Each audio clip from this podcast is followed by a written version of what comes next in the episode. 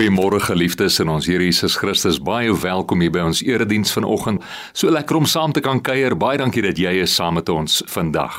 Vanoggend deel ek graag oor die konsep van veerkragtigheid, maar voordat ons by die veerkragtigheidskonsep uitkom, net eerstens Johannes 3:16 is my so belangrik altyd net om te herinner dat die Here u liefhet.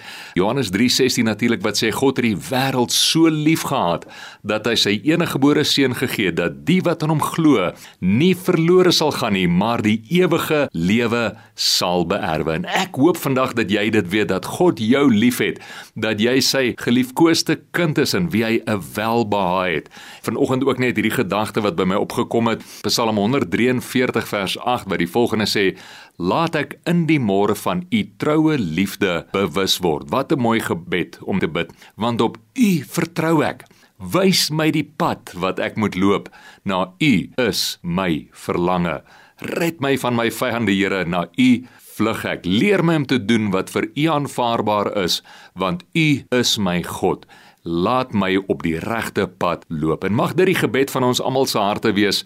En ek wil dit sommer om die waarheid te sê, bid ook vanoggend vir elkeen van ons soos wat ons voor die Here kom in ons harte voor hom buig en ons hoofde voor hom buig en net vandag in aanbidding voor hom neersak en net sê Here, laat dit met ons wees dat ons elke môre opnuut bewus word van u troue liefde want op U vertrou ons. Wys ons die pad wat ons moet loop, want na U is ons verlange. Red ons van ons vyande, Here, want na U vlug ons. Leer ons om te doen wat vir U aanvaarbaar is, want U is ons God.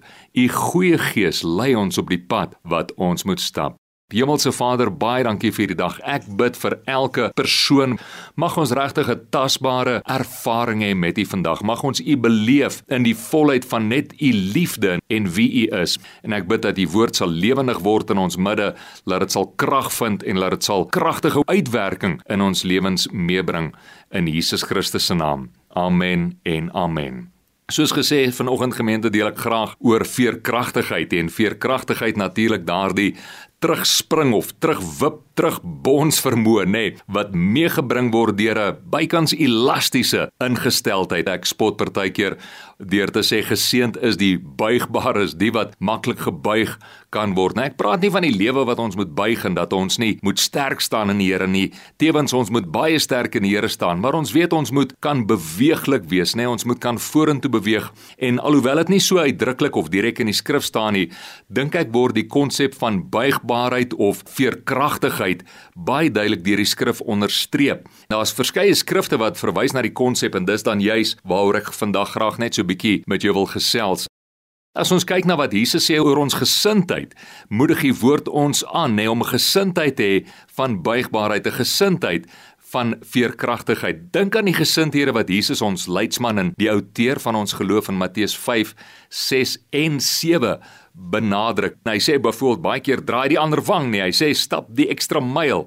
Hy sê wees lief vir jou vyande ensovoorts. En dit neem 'n buigbare aanpasbaarheid veral in hierdie rigiede tyd waarin ons leef of rigiede denke waarin ons osself ook mag vind om aanpasbaar en buigbaar te wees, veerkragtig te wees in die Here. En dis 'n veerkragtigheid wat ek dink in almal van ons oor die afgelope 2 na 3 jaar behoorlik getoets was deur alles wat ons deurgegaan het. Maar die goeie nuus bly en dit is die goeie nuus vir my en vir jou en vir elkeen van ons wat vandag kan deelneem aan hierdie erediens dat ten spyte van wat mag gebeur het, weet ons dat God ons nooit begewe of verlaat het nie. Dat hy ons nooit alleen los nie. En die feit dat ons hier kan sit en kan meemaak aan die woord en kan die woord saam ervaar beteken dat God in ons midde is en dat hy ons gered het en gehelp het deur die afgelope 2 na 3 jaar. Maak nie saak wat gebeur het nie. En dit beteken nie dat hy nie omgee nie. Natuurlik gee hy om. Hy ken die aantal hare op ons hoof party bietjie meer as ander. Maar hy ken dit en hy weet dit en hy sê ek ken jou ek is lief vir jou maar ek glo ook dat in die midde van alles wat ons deurgegaan het kan ons almal getuig as sy kinders van sy getrouheid. En al mag seker van ons dalk deur 'n Job ervaring gegaan het, ek dink baie van ons het daardeur gegaan, was God altyd getrou en hy bly 'n liefdevolle getroue hemelse Vader en Pa. Ja, hy's ons Pa en jou Pa, jou Vader. Wie die woord sê dat Noag het genade in die oë van die Here gevind. Hy het guns in die oë van die Here gevind. En dis die kleur van God se oë as te ware as jy dit sou kan noem. Die kleur van sy oë is genade, as guns wat kyk na jou blik van liefde. God is liefde. En maak nie saak hoe moeilik die lewe is nie. En dis nie dat hy nie omgee natuurlik gee hy om dat die lewe gebeur, slegte dinge gebeur. En wanneer daar nie onmiddellike redding in die situasie is nie, beteken dit nie dat hy nie omgee nie of dat hy nie daar is nie. Natuurlik gee hy om. En meer so as wat ek en jy dalk mag verstaan. Hy het jou meer lief as wat jy ooit kan begryp. Maar is hierdie ingesteldheid wat ons moet hê in die midde van hierdie uitdagings om te weet dat hy is daar, God is getrou, hy's ewig getrou en dat hy bring ook die nodige oorwinning in ons lewe. 'n Oorwinning wat kom nie noodwendig deur 'n onmiddellike deurbraak of 'n ding wat plaasvind wat ons voel maar nou het ek nie meer die moeilikheid in my lewe nie. Nee, dis 'n oorwinning van ingesteldheid. Dis 'n oorwinning van gesindheid. Dis 'n oorwinning wat sê ek staan vas in die naam van die Here, soos Efesiërs 6 my leer, maak nie saak wat gebeur nie. Ek staan vas in hom onbeweegbaar. Nou aan die een kant praat ek van veranderlikheid en buigsaamheid en veerkragtigheid, maar aan die ander kant dan nou praat ek ook van onbeweegbaar. Nou hoe trou hierdie twee konsepte met mekaar? Baie keer wanneer ek dink aan hierdie konsepte, dink ek aan Efesiërs 4 vers 12, 13 en 14 hè wat praat van die vyfvoudige bediening wat ingegee is daartoe om ons te leer as die gemeente hoe om te kan opgroei in die Here sodat ons nie meer soos golwe wees wat heen en weer geslaan word nie. Sommige van ons het dalk die voorreg gehad om nou onlangs by die see te kon wees, dalk bly jy by die see. Ja, daai golwe kan jy mos nou behoorlik heen en weer slaan, nê. Dit is waarvan Paulus praat. Laat ons nie soos ongelowiges of soos kinders wees wat hierdie golwe heen en weer geslaan word nie. As ons praat van standvaste geanker in die Here soos wat Hebreërs ook praat, laat ons hierdie hoop het soos 'n anker van ons siele. Weet ons dis 'n anker wat ons daar hou, wat ons sterk in die Here hou, maar die prentjie wat ek sien is soos 'n boei wat op die see dryf. Hy het 'n anker wat hom hou in die see, maar daar's tog 'n beweeglikheid. Hy kan tog beweeg want ons moet kan beweeg as gelowiges.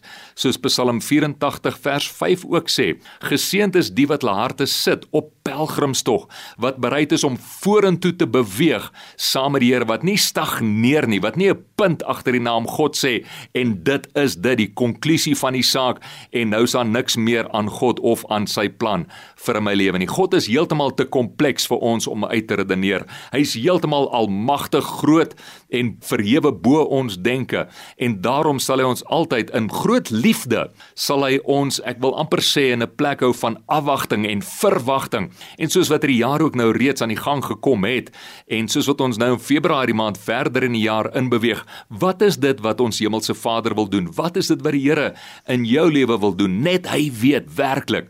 Maar wat hy van ons vra is wees geanker in my, soos daardie boei op die see, maar wees ook veerkragtig en beweegbaar genoeg dat ek met jou kan werk. En hierdie is die ingesteldheid waaroor ek wil gesels net so 'n paar oomblikke, want dit is die ingesteldheid wat ons in staat stel om nie gebuig en gebreek te word deur die lewe nie, maar om heen en weer te kan beweeg soos wat die golwe partykeer van die lewe kom, maar dit slaan ons nie heen en weer nie. Ons mag dalk val, maar ja, staan net weer op. Moenie bly lê nie. En daarom wil ek graag hieroor 'n bietjie gesels vandag oor sagtheid, sagmoedigheid eintlik, soos wat die woord ook ons sê en ons gaan nou luister na hierdie volgende lied wat ons lekker gaan saam sing. Meer soos u, gaan ek praat oor die konsep van sagmoedigheid wat dan gaan inlei in verdere aanpasbaarheid en veerkragtigheid.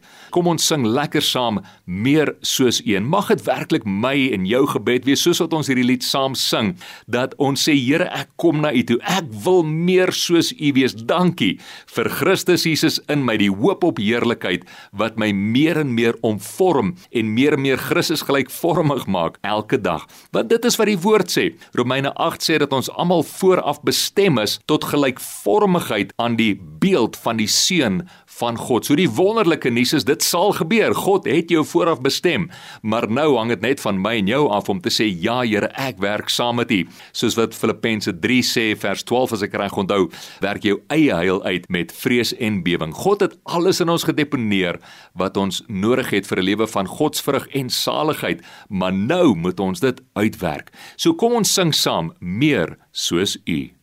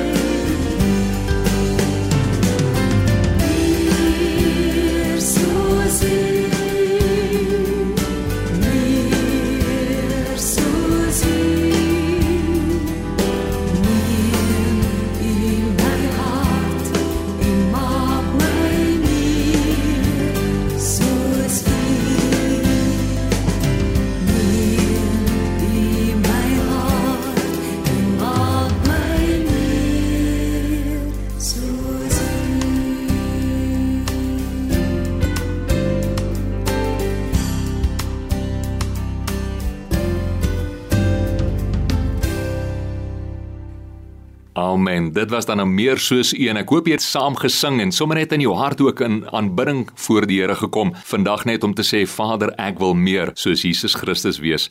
Net voor die lied gepraat van die konsep van veerkragtigheid en ook sagmoedigheid of sagtheid en Jakobus 1:21 tot 22 sê die volgende in die 53 vertaling: Daarom doen afstand van alle vuiligheid en oorvloed van boosheid en ontvang met sagmoedigheid die ingeplante woord wat in staat is om jou siel te red. Ja, daardie sagmoedigheid is nodig, sagte grond, ons harte wat sag moet wees voor Here om die woord te ontvang, want die woord is in staat om ons siele te red.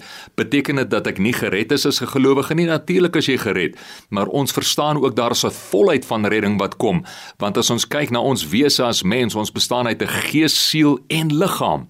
En net soos die Gees gewederbaar is deur die ontvanklikheid van die Gees van God, die Heilige Gees wat in ons gekom het, wat in ons woon en getuig dat jy 'n seun van God is, net so moet ons siele ook tot redding kom. Die siel, die wil, intellek en emosie. En hoekom daardie siel? Hoekom ons denke tot redding. Daardie grys stof as ek mag sê met respek tussen ons ore wat baie keer sukkel om vanuit 'n oorwinningsmentaliteit te leef 'n mentaliteit van vrede 'n realiteit van hemel op aarde. Ek klink dalk te optimisties maar ek glo dit. Jesus het dan gebid Vader laat u koninkryk kom op aarde soos wat dit in die hemel is. So ek moet dit kan beleef jy moet dit kan beleef.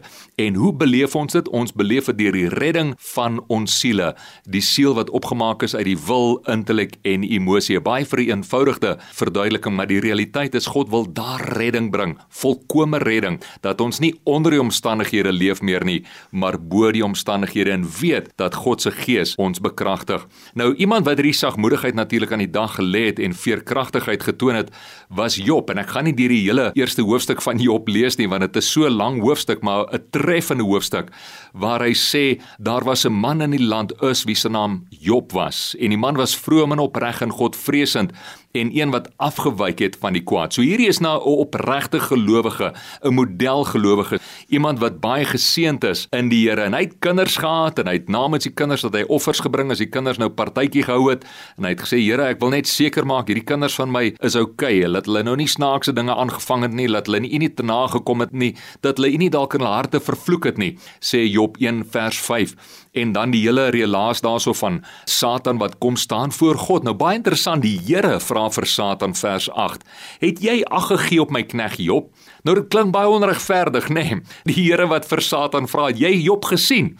Daar's niemand op aarde soos hy nie, 'n man vroom en opreg Godvreesend en wat afwyk van die kwaad, blaamloos. Die Here wys eintlik hierdie persoon vir Satan uit. En nou mag 'n mens sê, "Maar Here, hoe werk dit dan? Ek dink hy is aan my kant." En verseker is hy aan jou kant.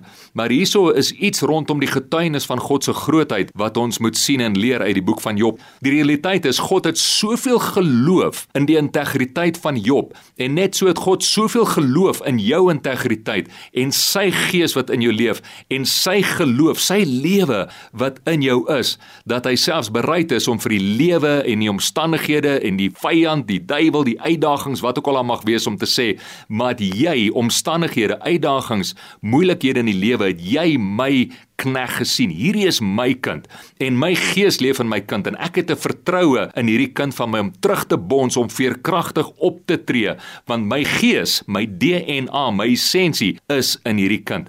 Galasiërs 2:20 sê mos immers dat die lewe wat ons nou leef, leef ons deur die geloof van die seun van God. Dis die geloof van die seun van God wat binne hom is. Nou as ons terugkyk na die lewe van Job en sien hierdie hele relaas en al die slegte goed wat daar gebeur het, sien ons vers 13 13:14 en verder tot vers 17 rond wat vir ons sê Op 'n dag terwyl sy seuns en sy dogters besig was om te eet en wyn te drink in die huis van hulle oudste broer, kom 'n boodskapper na Job en sê terwyl die beeste in die ploeg was en die esels aan die wei, het die Sabeese inval gedoen, almal met die swaard verslaan. Ek die enigste een wat oorbly om te vertel.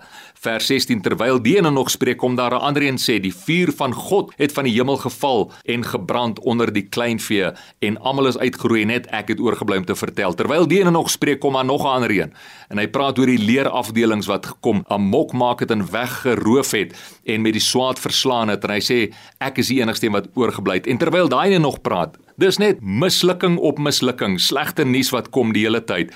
Terwyl daarin nog praat, kom een wat sê u seuns en dogters was besig om te eet en wyn te drink in die huis van hulle oudste broer en met eens het daar groot wind gekom en die huis het neergeval op die jong mense. Sjoe, net tragedie op tragedie. Job staan toe op. Wat doen hy? Skeur sy mantel en hy het sy hoof geskeur en in aanbidding op die grond geval. Laat dit jou nie dink aan Dawid ook nie. Dawid wat in aanbidding voor die Here geval het toe hy gehoor het sy kind is dood daardie veerkragtigheid wat kan sê dit maak nie sin nie logies maak dit nie sin nie.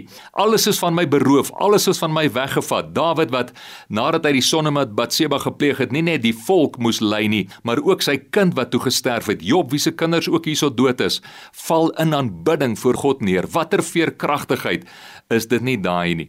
Vers 21 en Job het gesê naak het ek in my moeder se skoot gekom en naak sal ek daarheen terugkeer. Die Here het gegee en die Here het geneem die naam van die Here sy geloofd. Vers 22 by dit alles het Job nie gesondig en aan God niks ongeruims toegeskrywe nie. Nou, jy mag dalk sê Charles, maar hoe kry ek nou hierdie reg? Want dit klink onmoontlik. Hoe kan ek dankbaar wees in die midde van al die uitdagings en soos Jakobus ook sê om alles wat gebeur as loutere vreugde te ag? Here, want dit is moeilik. Dis nie lekker nie. En ek sal die eerste een wees om te erken. Ek geniet gemak. Ek geniet dit wanneer dit lekker gaan, wanneer dinge net mooi loop. Maar die realiteit is Jesus Christus, die seun van God, hy wat kom uit die boesem van die Vader, het gesê dat in hierdie lewe sal jy dit moeilik hê maar hou goeie moed want ek het die lewe oorkom ek het die lewe oorwin en ek gee een sleutel vandag net graag deur na u toe oor daardie veerkragtigheid en hoe om dit te ontwikkel en dit is om 'n ingesteldheid te hê 'n gesindheid te hê van sagmoedigheid voor die Here om soos klei in sy hande te wees en dis net daardie een sleutel wat ek by u wil laat vandag om te kyk wat Jeremia 18 sê. Jeremia 18 wat vir ons so mooi illustreer die woord wat van die Here tot Jeremia gekom het. Jeremia 18 vers 1 en verder vers 2. Die Here praat met Jeremia. Hy sê: "Maak jou klaar en gaan af na die huis van die pottebakker en daar sal ek jou my woorde laat hoor." Origen, een van die vroeë kerkvaders, het gesê daar's verskillende maniere om die skrifte te interpreteer en een van die maniere is definitief allegories of simbolies. En wat is dit wat die Here hierso sê vir Jeremia? Hy sê vir hom gaan af na die pottebakker se huis, daar sal jy my woorde hoor. Daar is 'n plek waar ons die woord van God kan hoor. En natuurlik praat die Here met ons die hele tyd as ons ons net ons ore spits en oopmaak. Maar ek wil dan nie voorstel dat daar 'n plek waar ons baie keer die woord van die Here hoor en daardie plek is die pottebakker se huis. Dis die plek waar ons moet afgaan nou vers 3 wat sê toe het ek Jeremia afgegaan na die huis van die pottebakker. Dis 'n plek van nederigheid waar ek myself verneder voor Here, soos Filippense 2 vers 5 tot 7 ook sê, waar Jesus hom verneder het tot die vorm van 'n dienaar, die vorm van 'n slaaf. Daardeur impliseer ek eintlik is ons liefdesslawe van Christus Jesus. Ons is deur hom gevange geneem en in triomf tog gelei deur sy liefdesoptog. So wanneer hy kom na ons, hy sê gaan af en sê hoorie verneder jouself soos Jakobus 4 vers 6 tot 7 ook sê. Verneder jouself voor die hand van God en hy sal jou verhef. 1 Petrus 5 vers 6 wat ook daarvan praat. Jeremia 18 vers 4 die voorwerp waarmee die pottebakker besig was het misluk vers 5 toe die woord van die Here toe na my gekom en hy sê die volgende Jeremia 18 vers 6 sal ek nie soos hierdie pottebakker met julle kan maak o huis van Israel spreek die Here kyk soos klei in die hand van die pottebakker so is julle in my hand o huis van Israel. Die realiteit is ek en jy behoort aan God 1 Korintiërs 6 vers 19 wat sê of weet julle nie dat julle liggame wat julle van God ontvang het 'n tempel is van die Heilige Gees en dat julle nie aan julleself behoort nie. Ons behoort nie aan onsself nie. God het ons gemaak, hy het ons geformeer uit die klei uit het hy ons geskep. Ons behoort aan hom. En daarom ten slotte wil ek net sê die realiteit is God is lief vir jou. Jy is sy kind in wie hy welbehaat en hy sê jy's myne. Bly net soos klei in my hand. Ontvang my liefde, ontvang my woord met sagmoedigheid en laat toe dat ek jou omvorm en laat ek doen met jou wat ek dink goed is in jou lewe. Die realiteit is God seën alleenlik sy planne vir ons lewens. Josua 1 vers 6 tot 9 slotgedeelte wat ek jou net graag mee wil aanmoedig vandag want jy mag dalk voel Charles ek het al probeer maar ek kry dit nie reg nie hierdie ding van godsdiens of geloof of verhouding met die Here hierdie ding is my moeilik ek kry dit nie reg nie maar Jesua 1 vers 6 tot 9 sê bons terug wees sterk en volmoed. Vers 7: Wees net baie sterk en volmoed om nou gesed te handel volgens die hele wet wat Moses my knegg jou beveel het wyk daarvan nie regs of links af nie. Weer eens die woord is wat ons voetstappe rig. Die woord is wat ons versterk sodat jy met goeie gevolg kan handel oral waar jy mag gaan. Wanneer ons volgens die woord handel vers 8 en die woord ook nie uit ons harte uit verdwyn nie maar ons dit bepeins dag en nag en nou gesê daar volgens wandel dan sal ons in al ons weë voorspoedig wees en dan sal ons altyd met goeie gevolg handel. Dis die hart van God, jou Vader vandag, ons Vader, jou Abba, Papa Vader wat vir jou sê, wandel volgens my woord, bepeins my woord, leef vanuit my woord, wees geanker in my woord, maar laat toe dat ek jou in my hande omvorm en maak soos wat ek vir jou beplan het. Vers 9: Het ek jou nie beveel nie, sê die Here, wees sterk en volmoed. Wees nie bevrees of verskrik nie, want die Here jou God is met jou. Oral waar jy heen gaan, daar's niks om te vrees nie, soos wat Jesaja 43 ook sê. God is met ons. God is met jou hierdie jaar en mag jy dit ervaar en beleef dat hy jou nooit ooit sal begewe of verlaat nie. Al wat hy vra is kom ons bly veerkragtig, buigbaar in sy hande soos klei, sagmoedig en laat toe dat hy met ons doen wat hy wil bons terug van die mislukkings, dit wat jy in die verlede dalk teruggesit het, bons terug in die heerlikheid van God se liefde en die realiteit van sy krag. Kom ons bid saam waarna ek die seën van die Here gaan uitspreek en dan sing ons ook saam Skeppergees wat ek ook wil vra onderwyl jy saam sing, onderwyl jy saam luister net in die gees na dit wat gedeel word deur daardie lied, mag dit ook die aanbiddingslied van jou hart wees. Tussen jou net en die Here daar waar hy is, mag jy uit hierdie lied ook net bemoedig en versterk word vir die pad wat voorlê en sagmoedig in sy hand bly en veerkragtig en terugbons van dit wat jy ook al in die verlede mag teruggesit het. Hemelse Vader, baie dankie vir die geleentheid vandag. Dankie vir u woord en dat u met ons spreek. Dankie vir elkeen wat ook deelneem vandag. Ek wil u seën bid oor hulle in die naam van God Almagtig. Wil ek vra Heilige Gees dat hy elkeen sal tasbaar aanraak dat hulle ervaring met u sal hê. Dankie dat u woord wat u spreek is gees en lewe en dit bring nuwe lewe in u kinders se lewe. En dit is my gebed en die seëngebed wat ek wil bid ook oor u kinders dat u aangesig sal skyn oor elkeen elkeen en dat hulle sal ervaar hoe U hulle aanraak en versterk in elke opsig gees, siel en liggaam. Dankie dat U 'n goeie liefdevolle hemelse Vader is. Ons eer U, ons loof U en ons prys U in U wonderlike heilige naam van Jesus Christus. Wees met elkeen van die kinders nou en laat die vrede van God hulle hart en sinne bewaar in Jesus Christus, ons Here.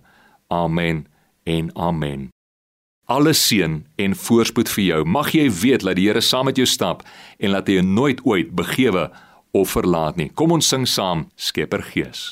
as